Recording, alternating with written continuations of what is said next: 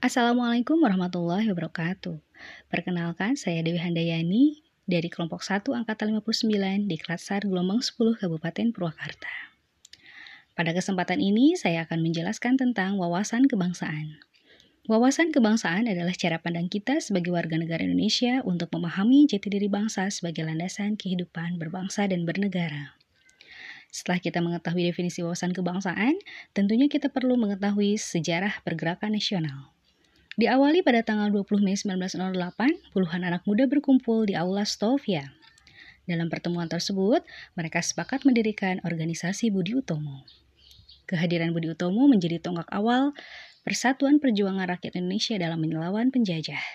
Tanggal tersebut juga dijadikan sebagai Hari Kebangkitan Nasional. Kemudian pada tanggal 25 Oktober 1908, lahirlah organisasi perjuangan pertama yang menggunakan istilah Indonesia yaitu Perhimpunan Indonesia. Adanya kedua organisasi tersebut semakin memberikan semangat juang bagi bangsa Indonesia, khususnya pemuda. Terbukti dengan diselenggarakannya Kongres Pemuda I pada tanggal 30 April 1926 di Jakarta. Dilanjutkan dengan Kongres Pemuda II pada tanggal 28 Oktober 1928 yang menghasilkan Ikrar Sumpah Pemuda. Perjuangan perlawanan pergerakan semakin nyata dan meluas di seluruh penjuru, penjuru Nusantara. Hingga pada tanggal 1 Maret 1945, Letjen Fumakichi Harada, pemimpin pendudukan Jepang di Jawa, mengumumkan pembentukan BPU PKI. Dan semua perjuangan itu akhirnya berbuah manis. Bangsa Indonesia resmi mengumumkan proklamasi kemerdekaan pada tanggal 17 Agustus 1945. Setelah kita mengetahui sejarah pergerakan nasional, kita akan mengenal empat konsensus dasar, yaitu satu, Pancasila, yang kedua, Undang-Undang Dasar 1945, yang ketiga, Bhinneka Tunggal Ika, dan yang keempat, Negara Kesatuan Republik Indonesia. Sebagai bangsa yang berdaulat, Indonesia memiliki identitas diri yang berbeda dengan bangsa lain, yang merupakan simbol kedaulatan dan kehormatan, yaitu bendera, bendera merah putih, bahasa, bahasa Indonesia, lagu kebangsaan, Indonesia Raya, dan lambang negara yaitu burung Garuda. Demikian penjelasan saya mengenai wawasan kebangsaan.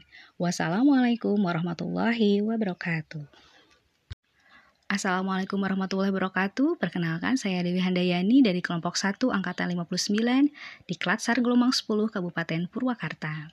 Pada kesempatan ini saya akan menjelaskan tentang wawasan kebangsaan. Wawasan kebangsaan adalah cara pandang kita sebagai warga negara Indonesia untuk memahami jati diri bangsa sebagai landasan kehidupan berbangsa dan bernegara.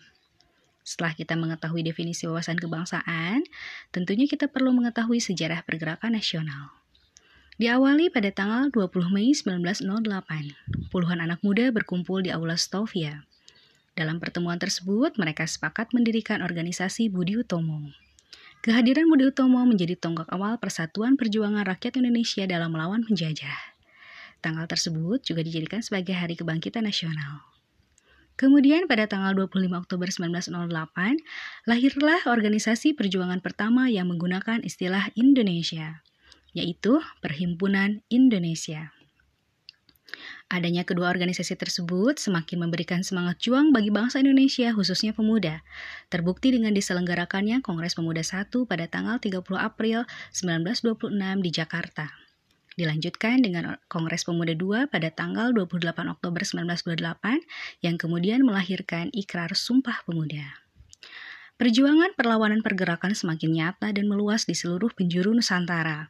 Hingga pada tanggal 1 Maret 19 45, dalam keadaan kritis, Letjen Fumakichi Harada, pemimpin pendudukan Jepang di Jawa, mengumumkan pembentukan BPU PKI. Dan semua perjuangan itu akhirnya berbuah manis. Bangsa Indonesia resmi mengumumkan proklamasi kemerdekaan pada tanggal 17 Agustus 1945.